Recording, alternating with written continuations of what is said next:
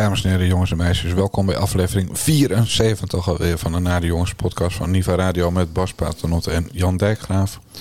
En omdat het tijd wordt voor wat vrolijkheid, hebben we er vandaag eens een humor special ingegooid. Bas, humor om te lachen. Ja, humor om te lachen. Geen cabaret, maar gewoon gekke dingen in de wereld. Den Haag, Zaandam, Amsterdam, Engeland, overal. Waar beginnen we mee, Jan Dijkgraaf? Nou, we beginnen natuurlijk met, met jouw habitat. Dat is Den Haag. Eh, maar om preciezer te zijn gaan we naar een maandagavond de studio van Op 1. Jort Kelder. In dit geval geloof ik met zijn WNL-pet op. Het kan ook die van KRO en CRV zijn. Of van een andere publieke omroep. Met Caroline van der Plas. Is er een soort wereldbeweging nu gaande dat, nou ja, pittig rechts kan je toch wel zeggen, als we dit zien, eh, zich achter de boeren opstelt? Pittig rechts? Niet Nou. Trump, Le, eh, eh, Le Pen is wel behoorlijk rechts van Ik weet niet of hij hier een eh, rechtse stempel op drukt. Ik zie een gewezen minister-president... waarvan we nog maar moeten zien of hij weer een keer president wordt... die steun uitspreekt Ja. voor de boeren. Maar je denkt niet Ik weet van... niet wat, ehm, wat dat wat- met de rechts te maken heeft. Je spreekt ja. steun uit voor boeren of je spreekt... Ja, er zijn misschien ook wel linkspolitieke leiders... die steun uitspreken voor boeren. Heb ik Zou niet, die konden we vandaag even niet vinden, op, dus, zeg maar niet met deze reputatie. Eh, eh, Robert Dijkgraaf, minister van D66, die twitterde vandaag ook van met zulke vrienden. Hè, met, eh, de- dus dit, even begonnen in het Engels, with friends like this.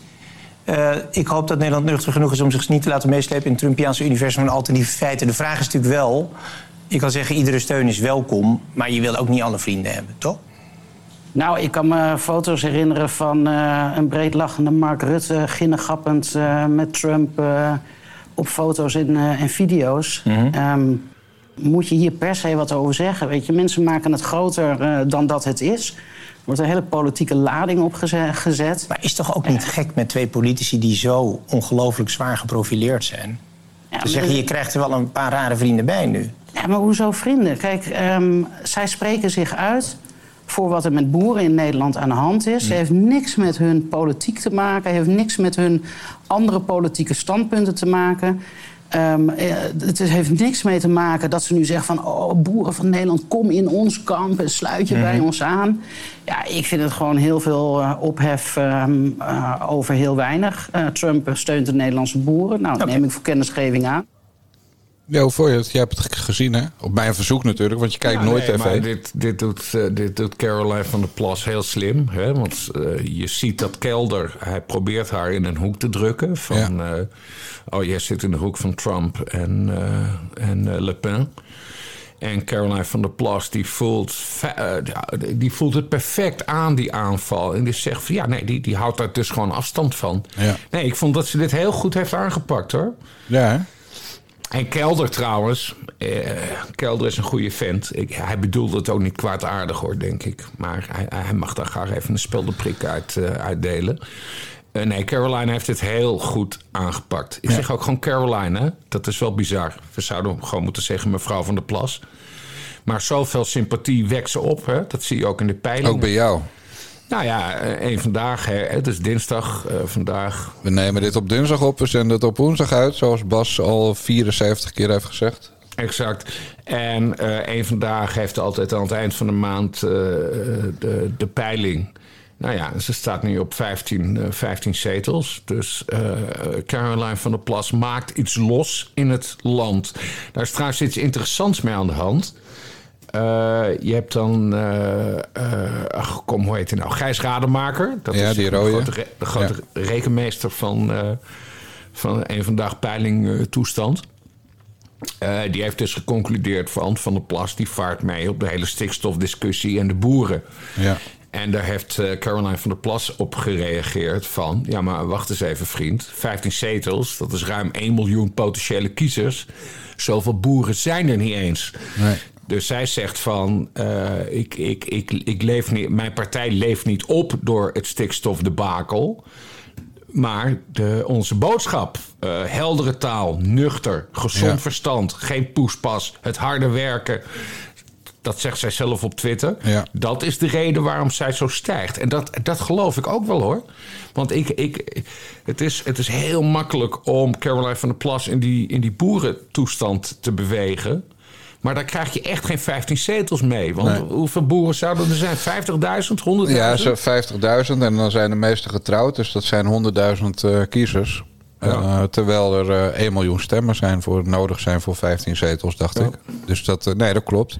Nee, ze is natuurlijk gewoon ook weer de new kid on the block. En dan eentje die niet extremistisch is. En daarom is zo'n aanval van Kelder in mijn ogen toch minder onschuldig dan hij is. Eh, hij probeert wel haar in de hoek van Baudet, Wilders, Trump, eh, Le Pen te duwen. En dat zou helemaal geen bezwaar zijn als hij, dat bij, als hij iedereen in de hoeken zou duwen. Maar ik heb hem nog nooit met iemand van GroenLinks over het eh, extremistische geweld van links gehoord. Nee, nee. Snap je? Dus het is prima hoor, dat Kelder het doet. Maar het, het is vrij uitzonderlijk bij op een dat een leider van een politieke beweging zo hard wordt aangepakt. Helaas. Ja, ja. Dus- nou ja, het, het is vooral afwachten van... eh, gaat Caroline van der Plas, eh, gaat ze dit verzilveren? En eh, dat zie je altijd bij een nieuwe politieke beweging. Dat kan dus helemaal misgaan. Dat hebben we gezien bij Vorm voor Democratie. Ja. Dat hebben we gezien bij de LPF. Ehm, eh, is zij bezig nu met een kader Ja. te bouwen? Is zij op zoek naar eh, potentieel goede politici? Eh, zorgt zij voor opleidingen binnen haar partij? Ik weet niet eens wat haar plannen zijn voor de provinciale statenverkiezingen. Dat zijn de eerste verkiezingen volgend jaar. ja. Nou, meedoen in elk geval. Eh, ja, maar ja, meedoen. Maar goed, je moet dus echt een, aan een kader bouwen. Want anders, anders ontploft het. Dan Ja. is die hele BBB-toestand gewoon een luchtballon gebleken. Ja, Dus elke nieuwe partij, benieuwd- ik ben heel benieuwd hoe ze dat gaat aanpakken. Ja. Maar er zijn twee dingen die volgens mij drie dingen die kunnen bepalen of zij heel groot gaat worden. Het, het eerste is eh, wat jij zegt. Van waar komt ze mee? Wat, wat staat er op haar lijst? Want reken maar dat elke kandidaat in elke provincie, ook al staat hij helemaal onderaan de lijst, eh, door de pers onder vuur wordt genomen. Ja. Eh, opeens is nummer 50 ook weer interessant, want die is dan van BBB en dat is de uitdager. Nou, De Nederlandse pers is nooit zo erg voor uitdagers. Twee is, eh, gaat het kabinet Rutte eh, terugkomen op dat belachelijke stikstofplan? Ja. Ja, dat kan ook nog. Dat eh, de CDA of VVD zegt, ja, deze flauwekul van D66 werken we niet aan mee. En dan halen ze de wind uit de zeilen van Caroline van. Exact. En het derde is natuurlijk, en dat is misschien wel de belangrijkste factor voor haar succes. Wat doet Pieter Omtzigt? Ja. Nou, die gaat natuurlijk niet met een eigen partij meedoen aan de provinciale statenverkiezingen. Dat kan al niet meer, dus die wel veel te laat voor als hij nu Ja. nog moet beginnen. Eh, dus heeft hij ook geen Eerste Kamerzetels eh, als hij ooit een eigen partij begint. Dus dat ligt voor de hand dat Omzicht gaat verdwijnen of zich aansluit bij een andere club. Nou ja, Pieter Omtzigt, dat is de, voor de volgende Tweede Kamerverkiezing is Pieter Omtzigt de, grote dark horse. We hebben het daar eerder over gehad. Ik zie hem niet een, eh, een nieuwe partij oprichten. Ik zie hem eerder aansluiten bij een, eh, bij een bestaande fractie. En uh, jaar 21, dat heb ik eerder gezegd, zou daar de perfecte combinatie eh, voor kunnen zijn. Ja, maar aan de andere kant is Caroline van der Plas ook afkomstig van het CDA. Eh, ook uit de provincie, uit Deventer. Ja, ze was kandidaat voor de gemeenteraad, toch? Ja, Ooit? dat zo stelt niks voor. Maar in elk geval ligt haar... En haar moeder was geloof ik wethouder ooit namens het CDA. Dus het stelt niks voor qua CDA-carrière. Maar wel qua, het is wel dezelfde bloedgroep. Ja. Dus het zou best kunnen dat omzicht... eh, ik zou het niet onlogisch vinden als zich daarbij aansluit. Eh, Caroline van der Plas en Pieter Omtzigt. Dat is wel een interessante gedachte, zeg. ja, want hij kan met zijn gezondheid echt geen partij opbouwen op dit moment. Eh, dus hij zou heel goed eh, de dossierkant van die partij kunnen behandelen, behartigen. En hij zou eh, heel veel kiezers trekken. Ja. En dan, Van der Plas en om zich samen... dan hebben we het echt over de grootste partij van Nederland. Ja, Bij want de dan Provinciale Staten. het CDA in één keer op. Ja, maar ook eh, de VVD, ook eh, Forum, ook wat PVV'ers, ook eh eh, jaar 21. Nee, dat, dat zou me, dat durf ik wel om te wedden dat als zij op één staat en hij op twee, of andersom. Nou, dat staan ze natuurlijk niet bij de provinciale statenverkiezingen, maar als ze er samen achter staan en om zich wordt, gaat met haar BBB trekken. Ja, Ja. we hebben het echt over, de, over een revolutie in, het politieke landschap. Tenzij er weer een volk het door extreem linkse mensen op het spoor wordt gezet. Ja, nou, laten we maar hopen dat dat niet gebeurt. Je ziet ook de milde paniek hè, in de ogen van uh, Terry Baudet op dit moment. Ja. Uh, die de hele tijd zegt van... Uh, Caroline van der Plas is control the position, control ja. the position. Dus dan weet je, hij is in paniek. Hij weet dus dat, dat hij haar doelgroep...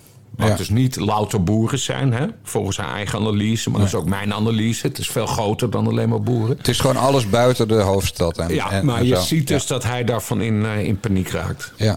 En op het moment dat hij controlled opposition roept... dan is er nog zeker een deel van Nederland dat daar ontvankelijk voor is... voor die boodschap. En Ja. dat zijn die vijf zeteltjes die hij nog uh, in de peiling heeft. Ja. Uh, en die wij wappies noemen. En, uh, en dat betekent dat dat mensen zijn die nooit naar petje.af naar de jongens gaan... om abonnee van ons te worden, Bas. Nou, ik, ik, ik kreeg... Kreeg ik nou laatst een mail of was het een bericht op Mail. Twitter? Mail. Dat iemand zei van, ik ben FVD'er, maar toch luister ik graag naar jullie podcast. Ja. Dat vond ik wel sympathiek. Ja, absoluut. En we zijn ook wel welkom. Maar, maar die hebben ongeveer uh, het incasseringsvermogen van, uh, van, van, van een strontvliegje. Ja. Als je boe zegt tegen Baudet, dan ben je controlled opposition en uh, dan ben je fout. ja. Maar er zijn nog een paar genuanceerde FVD'ers. Dat, dat Ja, constateerde ik uit die mail of app die we kregen van... eh, ik luister wel naar jullie. ja. Ja, en is zonder, zonder meteen te gaan schelden en te roepen: de aarde is wel plat. Ja, precies. Ja. Oké, eh, de gekte hadden we het even over. Ik, stikstof. Hier komt eh, het ultieme voorbeeld van die gekte. Zeecruiseschip de Aurelia komt definitief niet naar Zaandam. Dat staat in een brief van de Zaanse burgemeester Hamming aan de gemeenteraad. De Aurelia is een ouder schip dat niet op walstroom kan worden aangesloten. De generatoren die daarom nodig zijn, stoten te veel stikstof uit. De gemeente Zaanstad zoekt nu naar andere schepen om de groeiende stroom vluchtelingen op te vangen. Ook leuk om af en toe een regionale zender te hebben. NH Nieuws. Ja, maar dit is toch waanzin. Ja, nee, dat is Dit mooi. is echt de ene crisis wordt opgevolgd door de andere crisis. En vervolgens gaan die beide crisissen tegen elkaar vechten. Van, van we hebben een, een crisis met asielzoekers en we hebben een crisis met stikstof. En, en opeens hebben ze ruzie met elkaar. Ja. Zo, zo gaan we er toch nooit uitkomen? Heerlijk, Bas, vind ik dit. Want dit, dit is. Dit, dit zijn mensen, dezelfde mensen die roepen van stikstof, stikstof, we gaan dood. Dat zijn de mensen die roepen: kom maar binnen, kom maar binnen, kom maar binnen, welkom in mijn land. Ja. Ja, dus die hebben één belang: dat, dat die boter welkomt en dat de stikstofkwestie heel erg eh, belangrijk blijft. En, en eh, dat de rechter heel erg gelijk heeft. Ja, dat zijn tegengestelde belangen. Weet je wat mooi is in dit geval? Als je even de landkaart van Nederland. eh, heb je vroeger ook nog topo gehad op school? Topografie? Ja, topografie, ja. Ja, Ja, als je dan even kijkt- kaart, eh, alles moest aanwijzen. Precies, dan kijk je even waar Zaandam ligt. Mhm. En dan kijk je naar hoe de wind in Nederland 80% van de tijd staat. En dat is zuidwest. Ja. En dan ga je in gedachten naar beneden op die landkaart, een kilometer of 20. En dan, en dan in zuidwestelijke richting vanaf Zaandam. En daar ligt een kleine firma, die heet Tata Steel. en die. dus alles wat Tata Steel nog uitstoot. eh, dat daarvan gaat dat 80% van de tijd gaat dat richting Zaandam. En zeg niet dat alles in Zaandam neerdaalt, hè? Want eh, volgens de stikstoftheorie daalt alles op een kilometertje of binnen een kilometer al neer. Maar ze zeiken dus overheen zo'n boot. Waarvan een paar eh, generatoren lopen te draaien op diesel. Eh, maar Tata Steel blijft gewoon bestaan en krijgt geld om eh, de energietransitie binnen dat bedrijf eh, aan te pakken. Ja. Ja, die waanzin. Van, en ik vind het gewoon lachen, eerlijk gezegd. Ik kan er alleen maar om lachen dat die boot er dan niet mag komen. Nou, ik kan, er, ik kan er niet om lachen. Want eh, ik heb het serieus eh, te doen met bijvoorbeeld eh, de, de vluchtelingen, mensen uit, eh, uit Oekraïne. Die komen niet op die boot. Ik heb het sowieso te doen met eh, vluchtelingen, of het nou uit Syrië komt of whatever. Ik vind dat wij in eerste instantie die mensen netjes moeten opvangen. Daarna moeten we kijken hoe we ze zo snel mogelijk weer terug kunnen sturen. Maar we moeten ze netjes opvangen. En ik, dat, daarom vond ik dat plan van die Erik van den Burg eh, wel een goeie van... we gaan cruiseschepen inzetten. Want een cruiseschip is helemaal ingericht op opvang. Ja, op luxe opvang. Je hebt, je hebt meerdere restaurants. Ja. Je hebt slaapkamers. Filmzalen, eh, casino, frisse discotheek. Exact. dus nee, maar het is een hele slimme oplossing. Alleen ja, nu gaat dat stikstofverhaal er weer doorheen lopen. Ja, nou, echt kabinet, dan moet je prioriteiten gaan stellen. Ja. Wil je mensen helpen? Of wil je met die stikstof shit bezig blijven? Ik, ik, ik heb er eigenlijk geen woorden voor. Nee. En dat botenplan, dat mag van links weer alleen. En vooral van die eh, asielindustrie, die advocaten, mag het weer alleen als die boten aan de kade liggen. Want als je Ja, zo want op... ze mogen niet, niet op zee, want Nee. dan kunnen ze niet integreren. Ik wil helemaal niet dat ze gaan integreren. Ik wil dat we ze veilig opvangen. En ik wil dat het weer rustig wordt in Oekraïne. En ik wil dat het weer rustig wordt in Syrië. En ik wil dat al die mensen dan weer teruggaan naar waar ze vandaan komen. Maar in de tussentijd moeten we ze netjes opvangen. Maar dat hele gelul over... ja, ze kunnen niet integreren. Ik wil helemaal niet dat ze gaan integreren. Nee. Hoe vind jij trouwens van die pasjes die die lui uit Oekraïne krijgen? Die stickers in hun paspoort. Dat ze dan terug mogen naar Oekraïne. En door die sticker mogen ze dan ook weer terug naar Nederland daarna. Dat doen ze dus. Nou ja, dat, eh, kijk, dat heeft dus onder meer te maken met dat, eh, hoe heet dat, dat associatieverdrag dat we met Oekraïne hebben. En eh, links is daar trouwens heel boos over, maar de Oekraïense mensen. eh, die hebben gewoon meer rechten om naar Nederland te komen dan mensen uit Syrië bijvoorbeeld. Ehm, eh, ik ben daar trouwens helemaal niet op tegen. Dit heeft namelijk te maken met opvang in de eigen regio, waar ik altijd voor ben geweest. Hè? Opvang in de eigen regio. Dus mensen in Syrië of mensen uit Afrika, die moet je in het Midden-Oosten en in Afrika houden. Hè? Laat ze daar maar in de eigen regio opvangen. Eh, ik heb daar lang niet zo over gedacht, maar inmiddels wel. Ja, Oekraïne hoort toch op een bepaalde manier eh, eh, bij West-Europa, bij het Vrije Westen. Dus ja, nee, ik, ik, ik, vind het wel prima dat wij Oekraïners opvangen. Want dat is ook de eigen regio. En dat is ja, toevallig West-Europa. Maar ga je nou ook zeggen dat je, dat je het wel goed vindt dat we al dat wapentuig aan, eh, en al dat geld naar Oekraïne brengen? Nee, daar hebben we het al vaker over gehad. Ja, nee, maar, maar het is wel of niet ik- bij ik ons horen. Dat, ik vind dat allemaal heel ingewikkeld. Het, het- ik, ik kijk nu puur naar de menselijke kant van het verhaal. Laten wij de Oekraïners hier opvangen. En laten we ervoor zorgen dat ze zo snel mogelijk weer terug naar huis kunnen. Ja, de menselijke kant van dat verhaal is dat alle andere EU-landen hebben gezegd: wij nemen alleen Oekraïners op. En dat doen we ruimhartig op het moment dat ze een Oekraïns paspoort hebben. En wat heeft Nederland gedaan? Eh, nee, we nemen iedereen op die beweert uit Oekraïne te komen. Dus van de ongeveer 60.000 Oekraïnse vluchtelingen die zich hier gemeld Oh ja, hebben. nee, dat je die doorstromers krijgt, ja. Mensen Ja, die 5500. vlucht zijn naar Oekraïne en dan... Ja, 5500 Marokkanen en weet ik het wel, wat allemaal uit Afrika. belachelijk. Spreken, weten niet eens wat de hoofdstad van de Oekraïne is. Die spreken geen woord Oekraïens. En die zijn dan zogenaamd student in eh Kharkov en in Kiev. Ja, nee, ik weet wat je bedoelt. Vreselijk. wij zijn het enige land, hè? Dus als je hier in al die hotels waar ze zitten... Ik, ik kom wel eens eh, langs de Galamadammen. Eh, maar het schijnt ook bij Van der Valk in Leusden zo te zijn... en bij nog een Van der. Valk. Wat is de Galaladamme? Galamadamme, dat is eh, bij Stavoren. Eh, een hotel eh, aan het IJsselmeer.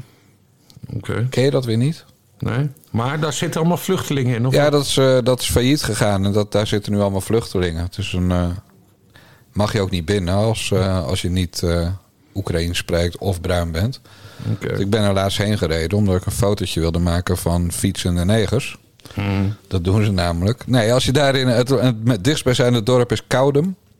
Daar heb je wel eens van gehoord, neem ik aan. Ja, Koudem ken ik goed. Nou, een heel leuk dorpje. Koekenhuizen, een prachtig pannenkoekenhuis hebben ze daar. Ja, dat weet ik dan weer niet.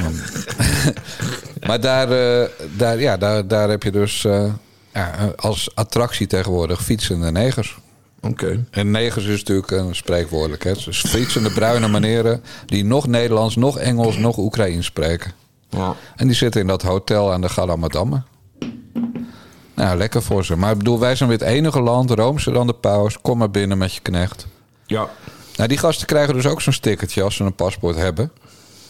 En dan mogen ze... Ja, maar dat is toch belachelijk? Ja. Het is echt allemaal zo belachelijk. Dat bedoel ik. Dus ik, ik ben erg voor opvang in de regio, maar in dit geval toch iets dichterbij hoor. Gewoon lekker in eigen land. Ja, Want nou als je goed. Oekraïners, opvang in Nederland is voor mij opvang in de regio. Ik sta er volledig achter. Maar dat er nu weer misbruik van wordt gemaakt... en dat dat wordt gefaciliteerd door die Erik van den Burg natuurlijk... Ja, Ja, bende. Wat een bende. Je schijnt in Roemenië gewoon uh, studentenkaarten uit Oekraïne te kunnen kopen voor 100 dollar of euro. En dan, oh, man, man, man. Dat werkt, man. Word je toch helemaal gestoord van. Waar je ook gestoord van wordt, Bas Paternotte, is deze knakker. We kunnen ook nog even in eigen huis kijken in Groningen. Ja, het kabinet heeft al eerder aangegeven, dus echt een laatste redmiddel, hè, dat Groningse gas, om dat uh, op te boren.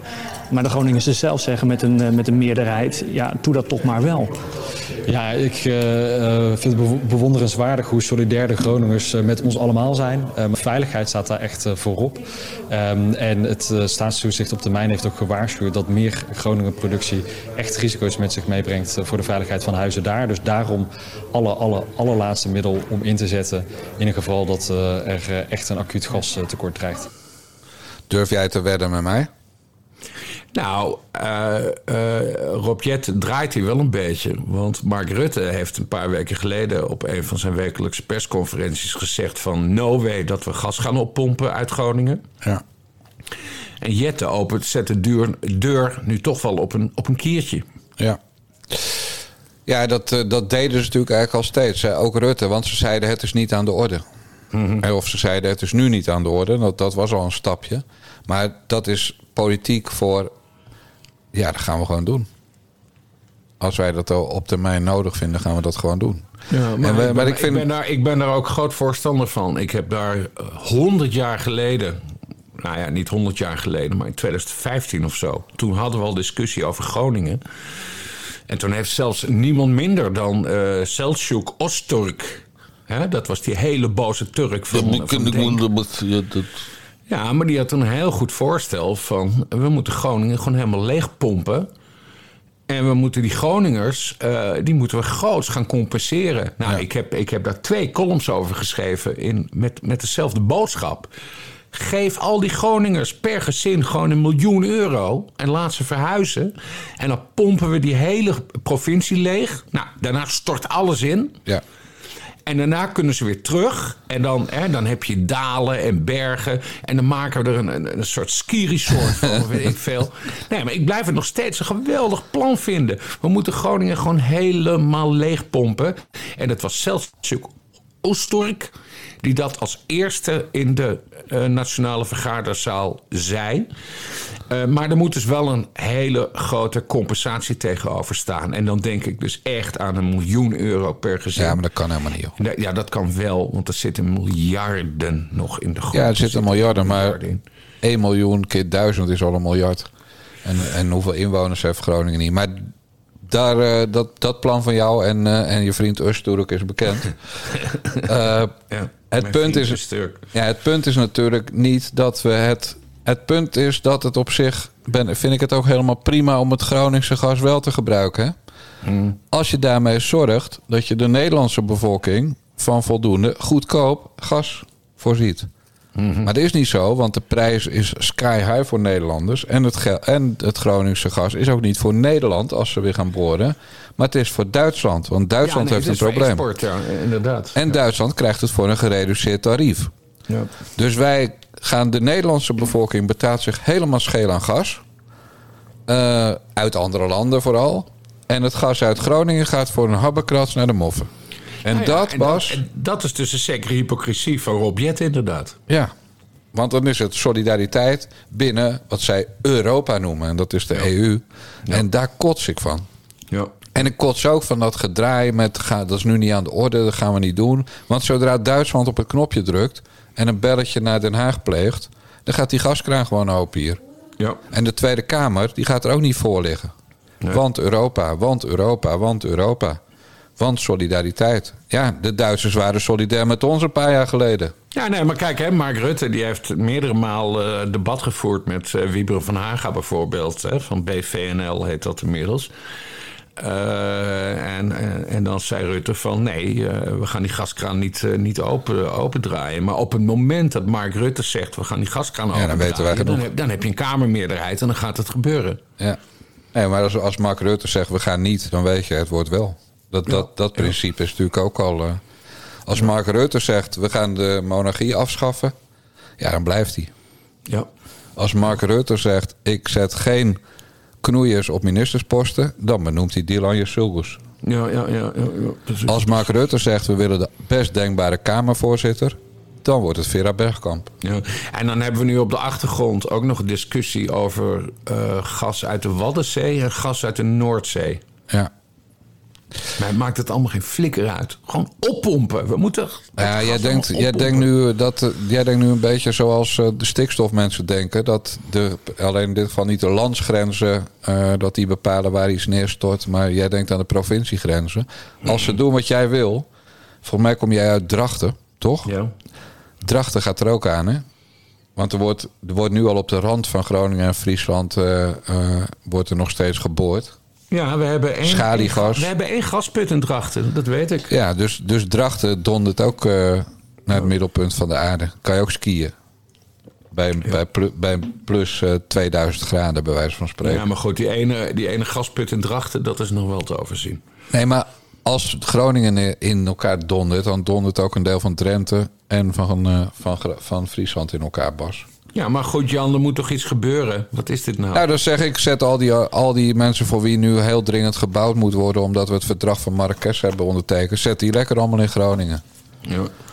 Het is nooit, kan nooit slechter zijn dan oorlogsgebied waar ze allemaal voor gevlucht zijn. Goed punt. Goed punt? Dijkgraaf. Ja, en dus hoeft het helemaal niet in te storten zoals jij zegt. Nee, je hebt daar een klein risico op een scheurtje in je muur van je gratis woning.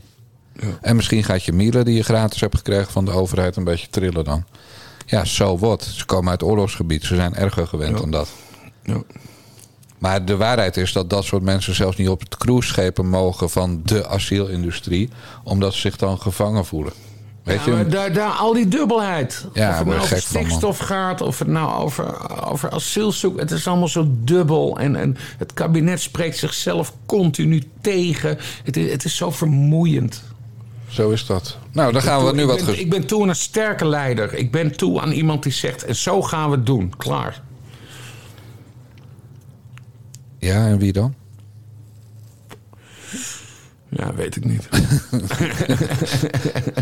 Nee, groot probleem. Groot probleem. Ja. hey, we gaan even wat eh, vrolijke dingen doen. In het kader van de humor. Eh, je weet, nou ja, onze luisteraars weten dat wij niks moeten hebben van seksisme en zo. Nee. Dat, dat vinden we echt walgelijk. Walgelijk. Precies. Dus wij zijn heel erg boos geworden toen dit tot ons kwam.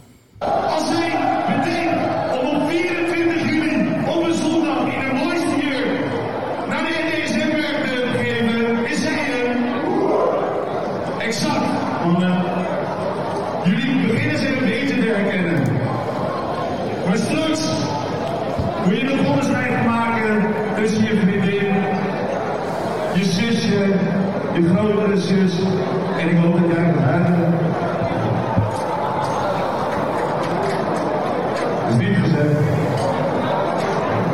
Mannen, mannen. Er is één ding heel belangrijk. En dat is dat de komende vijf jaar duidelijk is dat de golfslag 9 alleen nog maar aanduwen is. En dat vrouwen niks en niks meer zijn dan een Hoeren. Ja, het, het Amsterdamse studentenkoor Ja. had het 134e lustrum, of 34 had er nog van een lustrum. En daar eh, werden nare dingen gezegd over het zwakke geslacht. Eh, Het sterke geslacht bedoel ik. De dames. Ja, ja, ja. Hoe moeten we dit... Jij, jij komt dichter bij, eh, bij de ballen dan ik. Hoe moeten we dit duiden allemaal? Nou, ik heb onderzoek naar de kwestie gedaan. Uh, ik heb allereerst op Twitter gekeken, uh, waar ik twee echte koorballen volg. De een is uh, uh, Sander Schimmelpenning en de ander is Joris de Saffer in Lohman. Hè, de ene is Graaf en de andere is Jonkheer. Ja. Sander die zat in Rotterdam en Joris die zat hier in Utrecht bij USC, Utrecht Studentenkoor. En Schimmelpenning die vindt het dus walgelijk.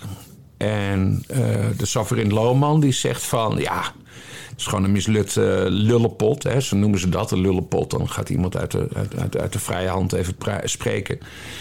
Uh, ja, uh, kereltjes van begin twintig die, uh, die allemaal verkeerde dingen zeggen. Het is niet een hele grote ramp. vervolgens heb ik, want ik heb natuurlijk allemaal vriendjes in die koorwereld. Uiteraard. Heb ik gebeld. En eh, nou ja, N is zes, zeg maar. Dus ik heb zes, zes mensen gesproken. En die zijn net zo als Schimmelpenninck en de Safrin Lohman verdeeld. Ja. De ene helft zegt van dit kan niet. En de andere helft zegt van ah jongens, er is aan de hand. Waarom wordt het allemaal zo groot eh, gemaakt? Bla bla bla bla bla. En nu weet ik het zelf eigenlijk niet. Ja, dat kan niet. Nee. Dat, dat kan echt niet. Je, je bent een HBO'tje. Er zit trouwens nog een eh, extra eh, composiet aan. Eh, zoals je weet gaat de prinses van Oranje, prinses Amalia, in Amsterdam studeren. Ja. De vraag is nu, gaat zij nog wel lid worden van het Amsterdamse koor? Want dit gaat natuurlijk dan een weerslag hebben op haar lidmaatschap. En ik denk dat het, eh, het Amsterdamse koor zich daarmee het meest in de vingers heeft gesneden. Ja. Eh, want eigenlijk kan prinses Amalia het nu niet meer maken om lid te worden van het Amsterdamse koor. Vanwege deze toestand. Interessant, hè? Had Heel ik helemaal niet grappig. stilgestaan. Ja, dat is maar dat grappig. vertelde een van mijn koorvriendjes dus. Ja. Van ja, dat Dus ze hadden, eindelijk, zijn. ze hadden eindelijk iemand van naam kunnen binnenhalen. Ja. Want normaal is het, eh, ze- ze- werden ze altijd lid van, hoe heet het, Minerva in Leiden. Ja. Waar al die VVD'ers zitten. Amsterdam. Maar nou, eh, ik zie het wel gebeuren hoor. Dat wordt nieuws in september van eh, eh, prinses van Oranje wordt geen lid. Ja. Maar die gaan natuurlijk nooit zeggen dat dit de reden is. Nee, maar het, het zou PR-technisch een ramp zijn als ze... Als ze wel lid wordt. Ja, daarom. Want dan krijg je gezeik. Maar waarom dan? Want de helft van jouw vriendjes vindt het, lul, vindt het gelul om je, je Ja, druk om nee, te maken. maar de, de helft die mij hierop wees, die, die hebben wel gewoon gelijk. Want het Koninklijk Huis kan dat niet maken. Dus dan moet ze lid worden van een andere vereniging die niet corporaal is. Ja, en dat zou dan weer een breuk eh, betekenen Ja. met, eh, met de geschiedenis eh, van het Huis van Oranje. En, Maar ik begrijp dat ze bij dit studentenkoor wel, en misschien wel allemaal, want ik heb daar totaal geen verstand van, maar dat ze de islamitische gedachte aanhangen van man en vrouw gescheiden. Dus dat, dat bij die lustrumviering ook de man en vrouw gescheiden wil. nou, dat was een bijeenkomst puur voor de mannen. Terwijl dat volgens mij een gemengd. ja, precies. Ja, maar die, ja, de vrouwen waren, zaten op een aparte plek. Zaten zeg maar achter in de kerk. Om het even in moslimtermen te zeggen. De, de, andere helft van mijn, de andere helft van mijn corporale vriendjes, die geef ik trouwens ook weer gelijk. Want hè, je weet, ik woon hier in Utrecht op de gracht. Ik ben omringd door studentenhuizen. Eh, eh, waar ook vrouwen in wonen, dus vrouw, vrouwenstudentenhuizen. Nou, die roepen in september, hè, als, dat, als dat hele academische jaar begint en eh, ontgroeningen en feesten. die roepen ook de hele tijd: er moet een piemel in hoor. Dat is, Ja. dat is stuitend wat die vrouwen doen. Af, trouwens, ik vind het dus niet stuitend. Grappig. Maar die vrouwen die roepen dus ook gewoon: er moet een piemel in. Dat Ja. is echt stomdronken. En ook dat ze op straat in slaap vallen. Ik heb echt de meest bizarre dingen meegemaakt. Ja. Hey, eh, jij, jij kon natuurlijk niet zo goed leren, dus je ging naar de school van journalistiek. Ja, Maar als je wel had kunnen studeren, eh, was je dan lid geworden van het koor? Ik zal je vertellen. Ik heb overwogen mijzelf aan. Want je wordt niet lid. Je, moet, je wordt lid gemaakt. Tot Ik heb lid me gemaakt. Ik heb, me overwo ik heb me overwogen bij USC, eh, dus het Utrecht Studentenkoor, aan te melden. Maar ik heb het eind- uiteindelijk niet gedaan, omdat de school van journalistiek in Utrecht eh, halverwege de jaren negentig, dat was een vereniging op zichzelf. Daar werd zoveel gezopen en gefeest dat ik helemaal geen tijd had voor zo'n studentenvereniging. Maar het, het heeft mij wel altijd aangetrokken. En ik ben ook met vriendinnetjes die eh, eh, lid waren van verschillende clubs. eh, ben ik ook wel eens naar zo'n gala geweest. En dat vond ik prachtig. Hè? Bas helemaal in zo'n zo'n zo'n zo'n rockkostuum en alles. Ik heb daar heel erg veel plezier van gehad. Het, ik heb het van dichtbij gezien. Er worden echt vriendschappen voor het leven gemaakt. En ja, nee, maar het, het, het was achteraf niks, niks voor mij. Dus Waarom niet? Nou ja, wat ik zeg, ik had het al druk genoeg op de school. van Nee, dat, maar, maar qua type zou je er wel bij passen, toch? Ja, dat denk ik wel. Maar goed, hè, ik ben een babbelaar. Dus dat, hè, dat heet dus een lullenpot. Die hier in dit geval dus is mislukt. Eh, een mooi verhaal houden, dat, dat heb ik altijd leuk gevonden. Dus Ja. dat, eh, Maar zie Nee, maar jij... goed, ik, had er, ik had er geen tijd voor. Die school van journalistiek, dat was al een feest op zichzelf. Ja. Dus dat, eh, Maar- het- het- het- ik, heb, ik, ik heb niks tegen, tegen corpora. Echt totaal niet. Maar jij zou je ook gewoon in je bek laten scheiden om ergens bij te mogen horen. Oh god. Ja, dat, daar hebben we het Dat over. is, dat, nee, maar dat is weer zo voor ingenomen. Dat Ja, want dat is niet waar, wou je zeggen. Er is niemand in zijn bek gescheten ooit. Wat zullen we dan krijgen, zeg? Kijk, die ontgroening, ja, dat is Ja, vervelend. dat, dat, daar heb ik het over. In je bek laten scheiden dus. Mhm, Je eigen kots weer opeten. Ja, dat is het toch, of niet? Nou ja, dat zijn dan bepaalde uitwassen. Is het waar of niet? hoort. Nee, dat is helemaal niks van waar.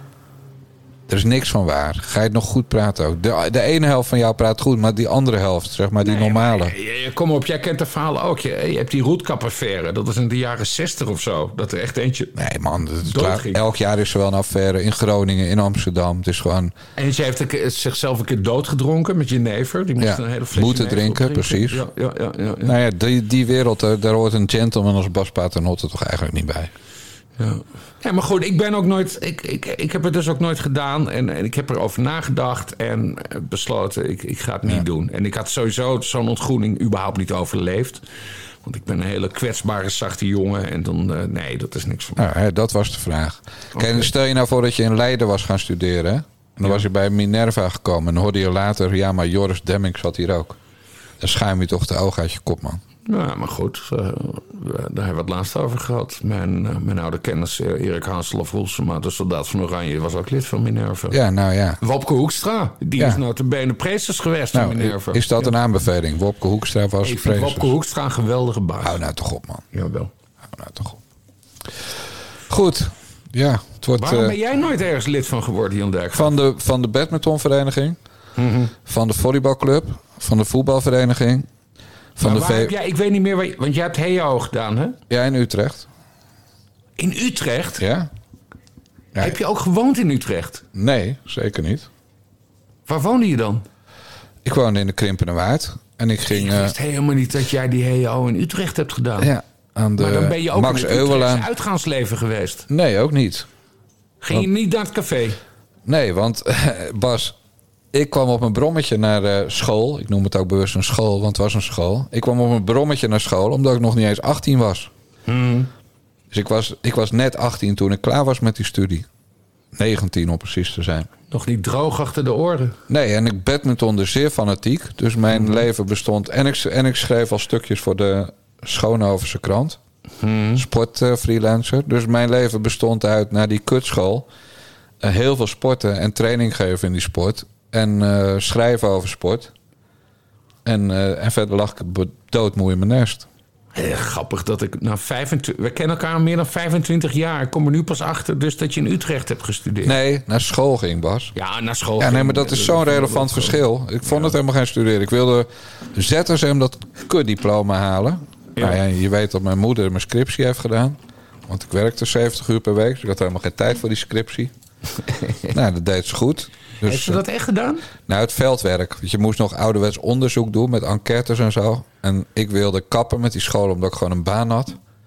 En toen zei mijn moeder dat ze dat heel zonde zou vinden. Toen zei ik, nou dan wil ik het wel afmaken voor jou. Ik moest alleen mijn scriptie nog, maar dan moet jij het veldwerk doen.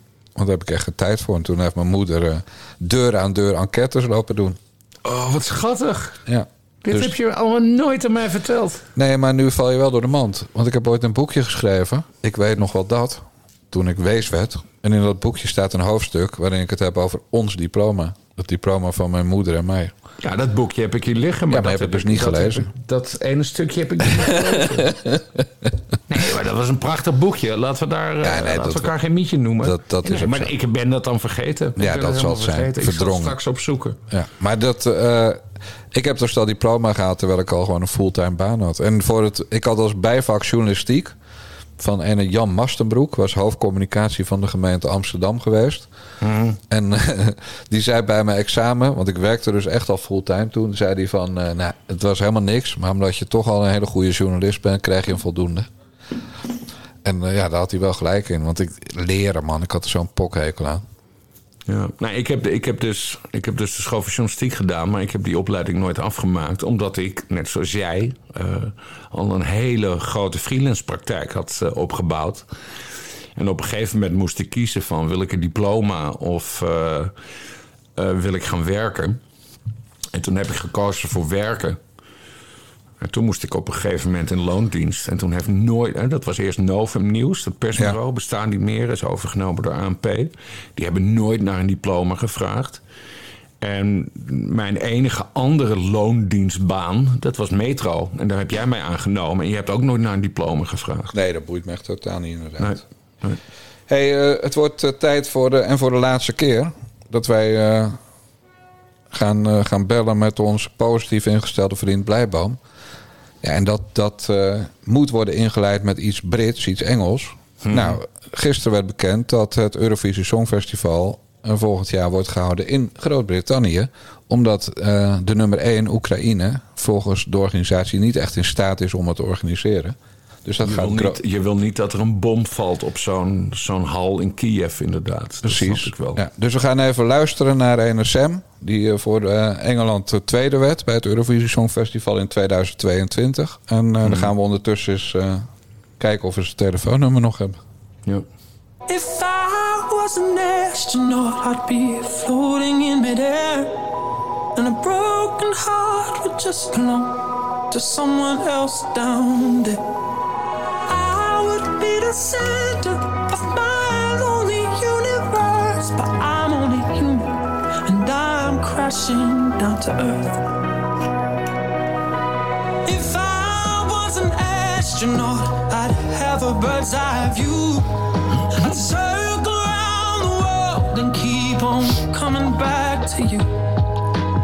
In my floating castle, I'd rub shoulders with the stars, but I'm only human and I'm drifting in the dark. I'm up in space Up in space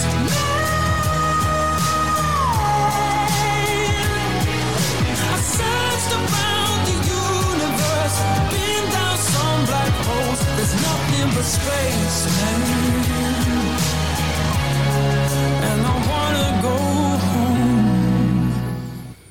Was dit de Oekraïense deelnemer? Of is dit Groot-Brittannië? Eh, dit was Groot-Brittannië. Oké. Ik, kijk, ik, ik kijk het Hey nooit. Bas, we gaan bellen. Ja. Hallo, Hallo, zit ik in de uitzending? uiteraard. Blijboom. En ja, ik wordt, weet het niet meer. en er wordt niks geknipt. Want ik ben vorige week een uur aan het knippen geweest om alle onzin en alle uh's eruit te halen. Ja, ik kan het ook helemaal niet. Dus wij verwachten deze keer een gelikt verhaal. Je zit vijf dagen voor de deadline. Over vijf dagen moet je 6000 euro binnen hebben. Waar sta je nu op? Eh, ik sta nu op iets meer dan vijf, dus dat gaat mislukken. Hoe zou dat gaat mislukken? Wij, Ja, hebben, wij hebben 15.000 luisteraars met de Nare Jongens podcast. Ja, dus... eh eh, eh, ja, daar verwacht ik wel wat van. Bij 80... Komende drie dagen. Bij, bij Blijboom is het glas altijd half leeg. Nou, half, half, half. Drie Nou, kwart leeg. Volkomen leeg. Blijboom. Stel de slok op een borrel. Je moet, Ja. bij, je moet bij voordekunst.nl, waar mensen jou kunnen vinden als ze in het zoekvenstertje Blijboom invullen, moet je niet 100% van je target gehaald hebben, maar 80%. En dat is in jouw geval 4800 euro. Dus daar zit je al meer dan 200 euro boven. Dus wat loop je nou te zeiken? Je hebt het Ja, gewoon nou gehaald. ja, dat, het, ligt, het ligt genuanceerder, maar goed. Leg uit. Kort. Ja, nee, ik kan het zelf niet uitleggen. Ik heb er naar gevraagd, maar eh, ik ben het zelf ook kwijt. Nou, zal ik het dan maar doen? Bas, zal ik het doen? Ja, doe maar. Als je 80% hebt, wordt aan je donateurs gevraagd. Die sukkel die heeft maar 80% gehaald. Vinden jullie het goed dat hij dan toch doorgaat voor 80%? Of willen jullie je geld terug? Of Toch? wil je geld terug, ja. Ja, dat is de vraag. En dan zeggen alle Dus ik moet donateurs... het aanbieden, of ik moet ze aanbieden om, eh, ja, een mogelijkheid bieden om het, om het geld terug te halen. Dus ik, Nee, je moet vragen, vinden jullie het goed dat ik het hou? Net ik heb andersom. een zak geld en daarmee moet ik op straat gaan zitten en dan eh vragen of ze een rekening willen. Het glas half vol, zei, zei, bij- zei Paternotte. Ik wil mijn geld terug, Blijboom. Ja, kijk, dat ga je krijgen. Als jij zo negatief blijft, wil ik ook mijn geld terug, Blijboom. En dan bel ik Ja, Bob nou ja. Dijkgraaf. En dan weten we nog... drie leuke weken. Ja. Hey, dan onder ons gezegd en gezwegen... weet ik nog dat jouw allergrootste donateur... een sekshuis is. Ja. Nee hoor, Wat dan? een theater. Hoe heet dat theater? Eh, ze willen liever niet eh, met naam eh, en eh toenaam bekend worden. Dat is dus een seks. Dat heb ik beloofd, dat heb ik beloofd toen ik die envelop in ontvangst nam. Wat valt er in dat theater te zien, Michiel? Eh, ja, ik ben er wel eens blijven plakken, maar eh,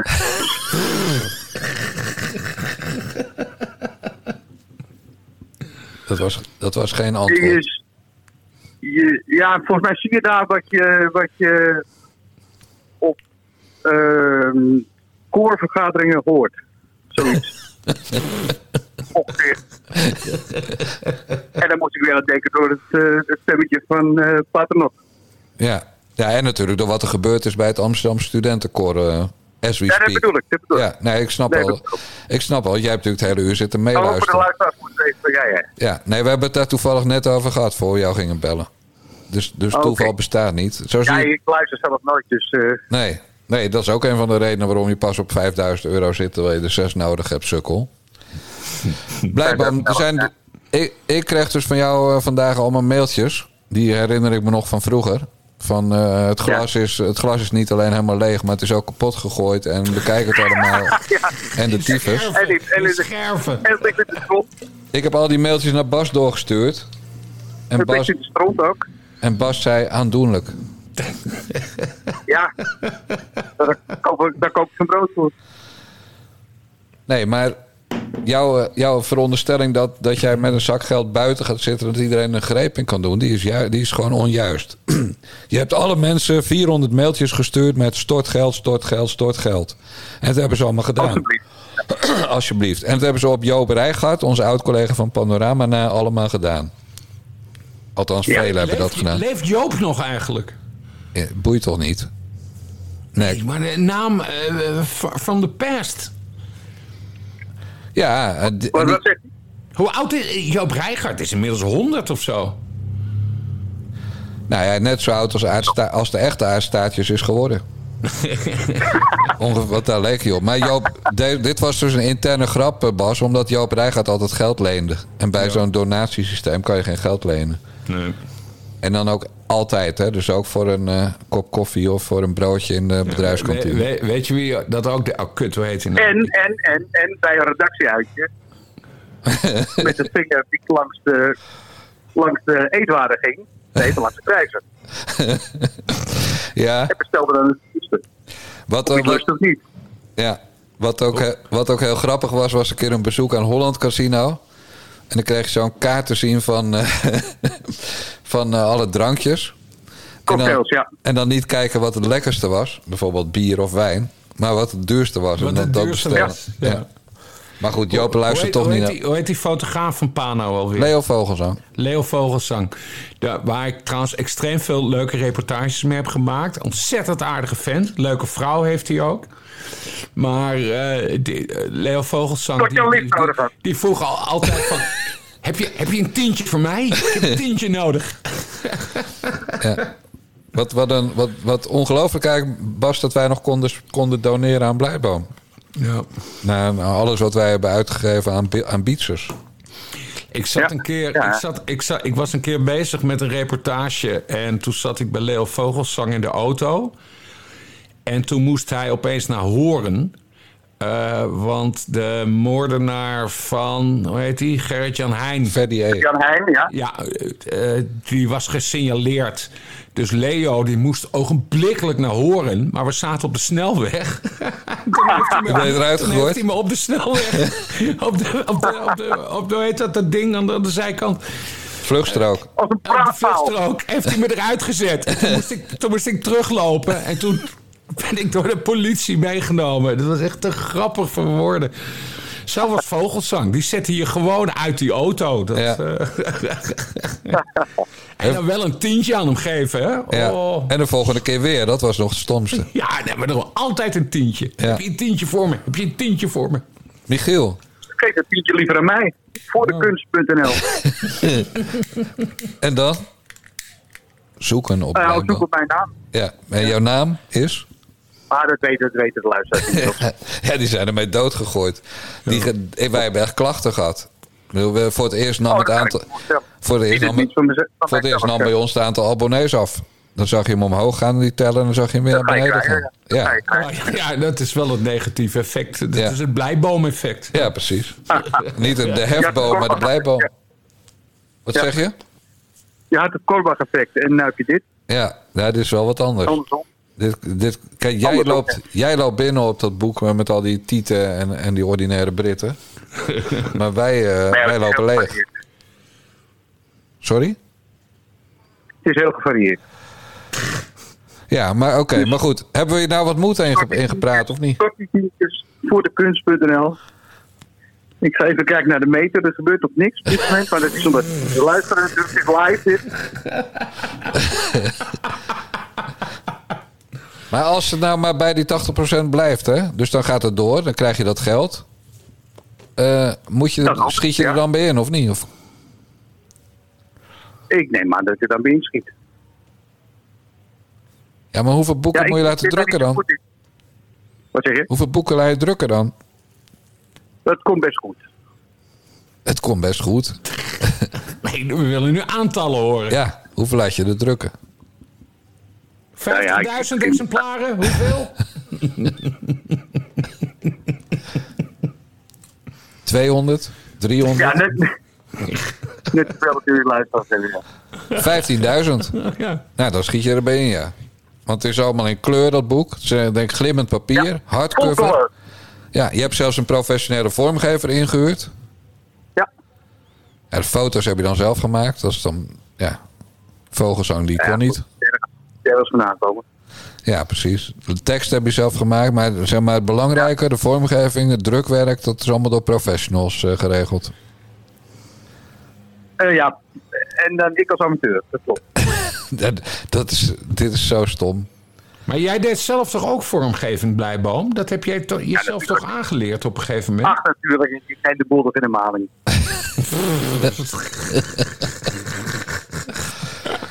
hey Michiel, wij gaan iets afspreken. En dat is dat we jou niet meer bellen. Want volgende week is dit project. Zijn we eindelijk van, van deze last eh, verlost. Van die, collegia, die daad van collegialiteit. Tenzij, de luisteraars het willen. Nee. Dan, dan draaf ik wel een keer op. Ik heb drie mailtjes gekregen van mensen die zeiden meer, meer, meer blijboom. Maar ze hadden allemaal een WXS-mailadres van World Access. Dus dat zijn gewoon Oei. fake adressen van jou. planet.nl, ja. Ja, nee, WXS echt nog. Echt eh, begin jaren, nou, half jaren tachtig hadden we dat. Normale mensen. Maar jij hebt het nog steeds. Michiel.b.wxs.nl Ja, ik kan, het, ik kan het dromen. maar beter nog, beter nog voor de kunst.nl. Ja, maar mensen die dus geen geld hebben, hè, want die zijn er ook tegenwoordig. Ja. die kunnen dus wel een mailtje sturen naar michiel.b.wxs. En die kunnen jou vragen of je uit coulance gewoon gratis zo'n boek naar ze wil sturen. Dat kunnen ze vragen, ja, maar dan moet er wel een foto bij. Van die persoon. Want? Nou ja, dat, dat, dan, dan valt er wat regelen misschien, weet ik veel. Ik snap dit niet. Het valt nu helemaal stil. Ja, ik begrijp niet wat je bedoelt. Dus als Joop, Rij, dus als Joop Rijgaard eh, een foto meestuurt naar eh michiel.b.wxs.nl... dan krijgt hij misschien een gratis boek. Ja, of juist niet. Ja, het is echt zaak dat Joop Rijgaard een, een, een, een, een boek koopt hoor. Wat zullen we nou krijgen? Kopen, ja. ja, ja.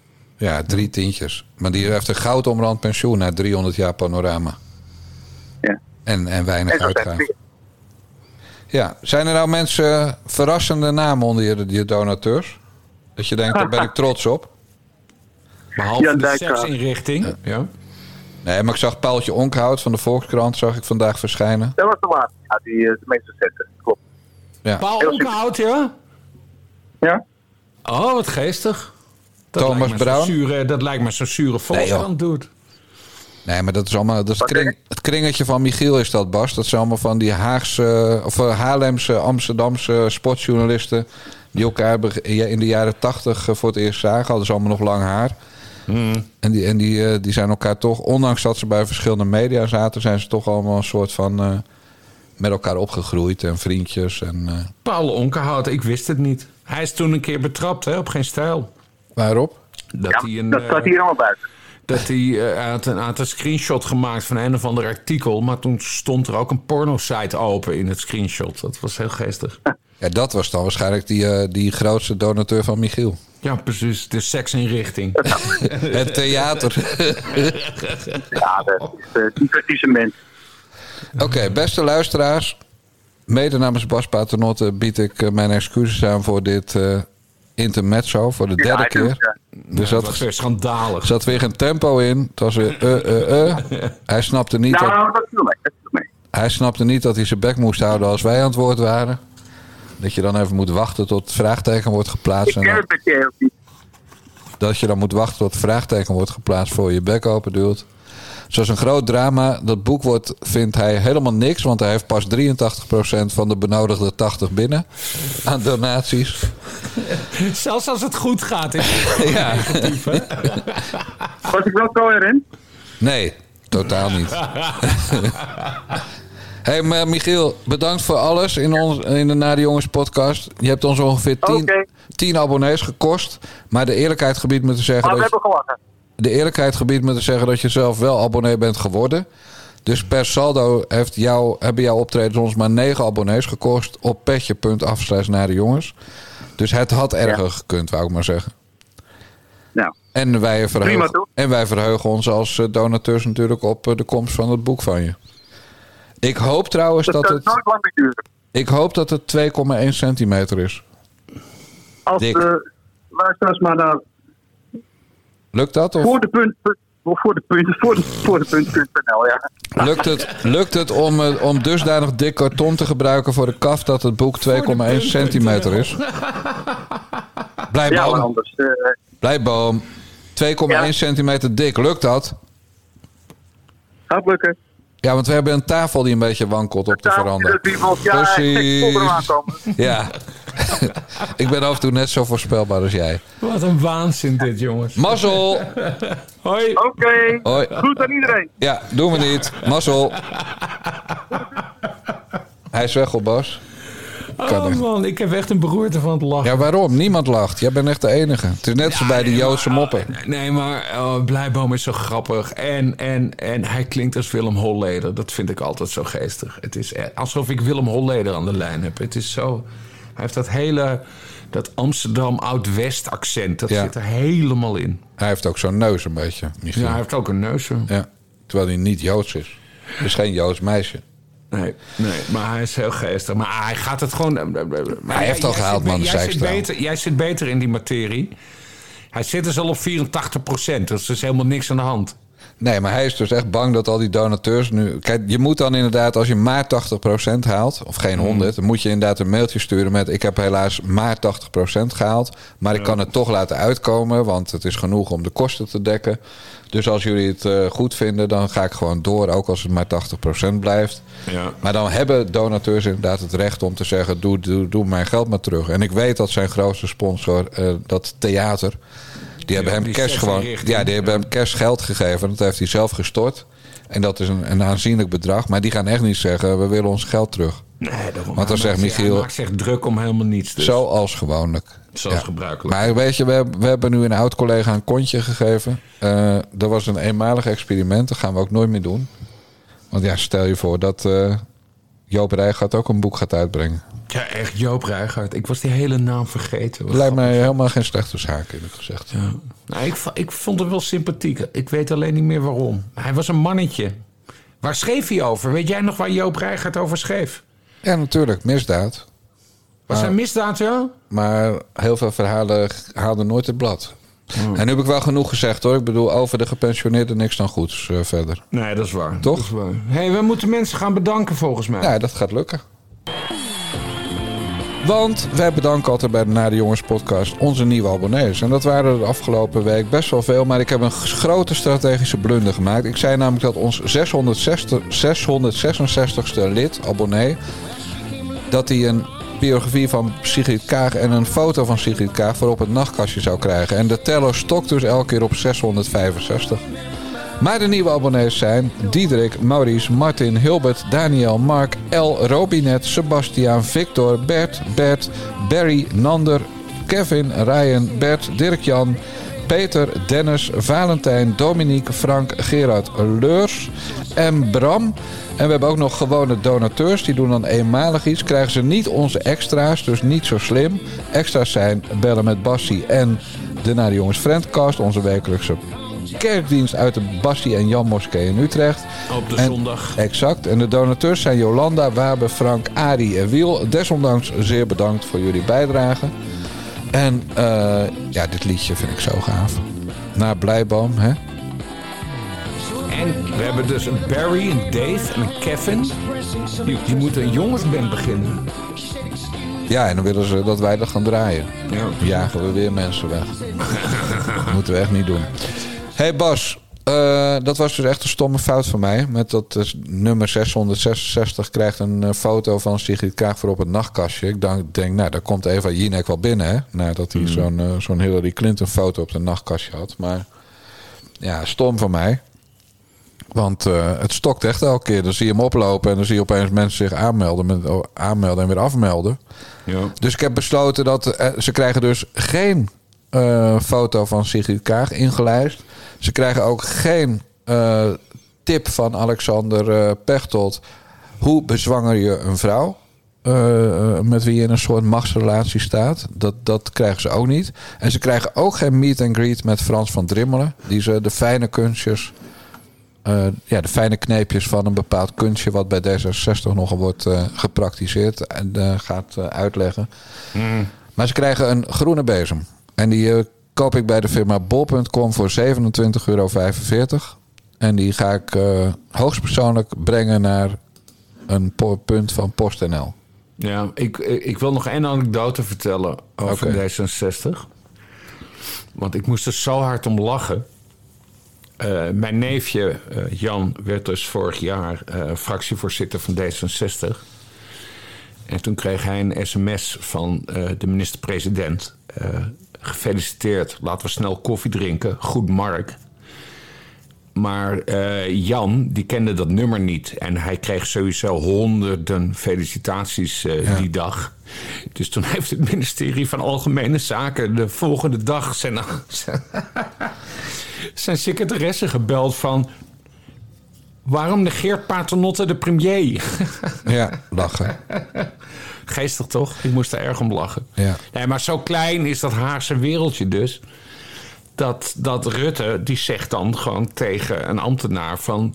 eh, ik heb geen sms terug gehad. Ja. Nu Paternotte bellen. Maar suggereer je nu dat Rutte wel zelf dat bericht had getikt? En dat het niet ook van een ambtenaar was? Rutte staat daarom bekend. Hij, hij tikt die berichten zelf. Alleen Paternotte, die kende dat nummer niet.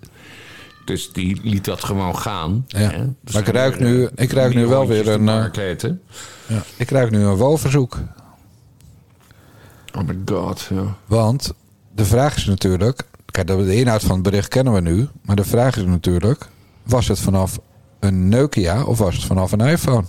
ja, ja. We kunnen hem nu ontmaskeren. Ik vermoed vanaf de ja. Want het was vorig jaar. Ja, ik vermoed van niet. Ik vermoed dat hij daarover gelogen heeft. Dus als jij dat nou even uitzoekt met een WOW-verzoek... Nou, gaan we daar ook in duiken. Ja, toch? Dat gewoon- dat gewoon- Graaf, drukke dag. Ja, maar dat gewoon Jan Paternotte, het neefje van... en dat die gewoon gaat zorgen voor de val van Mark Rutte... omdat hij weer gelogen heeft. En nu over welk toestel die gebruikte. Voor wat? Ik, ik krijg nu een DM binnen van Michiel Blijboom. Wat dan? Kapitalen. Onverbeterlijke schoft. Ja, dus hij was blij met ons optreden. ja. Het was vanuit, zijn, vanuit van hem is zoiets een groot compliment.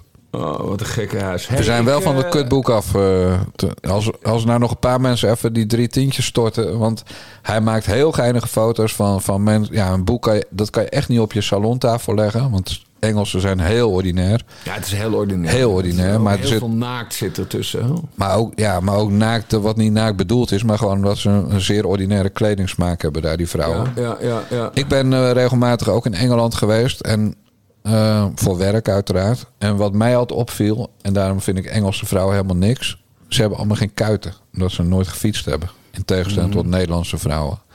Dus ook al zijn ze verder eh, het lekkerste van het lekkerste. Vrouwen zonder kuiten is gewoon een no-go, vind ik. Maar ik weet dat jij een billenman bent, maar je hebt dus ook iets met kuiten. Nou ja, ik kan. Ik, laat, ik het, laat ik het nog simpeler vertellen. Als ik een eh, vriendinnetje had en ik gooide een bal en ze kon hem niet vangen, was het ook exit hoor. Ja. Ik wil, ik wil ook wel een beetje sportieve motoriek eh, zien. Ja, als je geen bal kan vangen, dan is er motorisch iets eh, mis. Exact. Ja, maar zijn natuurlijk zat eh, van die poppetjes die dat niet kunnen. En ook eh, homo's. Ik zie Chris Alberts ook geen bal vangen, eerlijk gezegd. Niet omdat hij Chris homo een- is. Chris is een zwemmer, kom op. Ja, nou hè. Chris, Chris is geen balsporter. Chris Nee, is dat een bedoel ik. zwemmer. Ja, het is echt zo'n zo'n zo'n schoolslagjochie. ja, ik denk... Wat helemaal uit de hand heeft. ik denk, ik gooi toch je beste vriend er nog... niet in het draaiboek. What the fuck? Nee, er staat niet in het draaiboek nog even Chris Alberts homo noemen. Nee, dat staat er inderdaad niet in. Oh, schandaal. Ik had wel een keer eerder aan jou ben gek gevra- op Chris Alberts. Ja. Ik wil dat de luisteraar dat weet. Ik had eerder een keer aan jou gevraagd of Chris Alberts eh, een eh, man heeft of een vrouw. En daar weigerde jij te beantwoorden, die vraag. Maar nu twitterde Chris Alberts vandaag of gisteren iets over toen we ergens naartoe gingen. Wie zijn we? Geen idee. Ja. Bas, jij nodigt iedereen uit om eh, op de grachten te komen eten van de borden van de dochter van Ja, Frank ik, weet niet of Chris Alberts een vriendje heeft. Dat weet ik niet. Is die homo? Dames en heren, jongens en meisjes, dit was aflevering 74 van de Na de Jongens podcast van Niva Radio. Onze website is nivaradio.nl. Abonneren, doe dat nou gewoon, want je krijgt een, misschien wel een groene bezem, dezelfde als Sigrid Kaag heeft, gesigneerd. Abonneren. En bij, en bij duizend petjes. gaan we bieren met Bassie in Eestega. Precies. Tussen de alpaca's. En ik maak de foto's. En we maken een eh, live uitzending dan. Ja, buiten op de wei bij de familie Dijkgraaf. En mevrouw Dijkgraaf heeft beloofd er ook te zijn die avond. Middag, ochtend, nacht. Nou ja, dan. En dan. Ik, ik, ik zit er ernstig tegen op te zien hoor. Dat hier gewoon duizend mensen aan de straatweg in Eestega komen. En ja, het was een project, project X. wordt dat bedoel ik. Dan krijg je ook de vraag van... Is er ook een eh, treinstation in Eestega? Ja, ja, ja. En, en Mo- Uber. eenheid ingezet bij semi-live podcast. Jan Dijkgraaf en Bas Paternotte. Ja. ja, dat we dan geen evenementenvergunning hebben aangevraagd. Omdat wij denken, nou, er komt die man. En dat het dan hier helemaal vol staat in het weiland. Dat wordt, eh, maar goed, eh, het is jouw feestje. We hebben het beloofd. En we kunnen altijd eh, tijdens de wedstrijd de spelregels nog veranderen. Dat doet het kabinet Rutte ook altijd. Zo zijn we dan ook wel weer. Goed, mensen abonneren kan via petje.af naar de jongens. En dan moet je doen, want dan krijg je wekelijks naast de Naar de Jongens podcast ook de exclusieve Bellen met Bassie podcast. En op zondag vanuit de Bassie en Jan Moskee in Utrecht onze ecumenische kerkdienst. Die altijd in teken staat van een spreuk uit den Bijbel. De mazzel. Doei doei.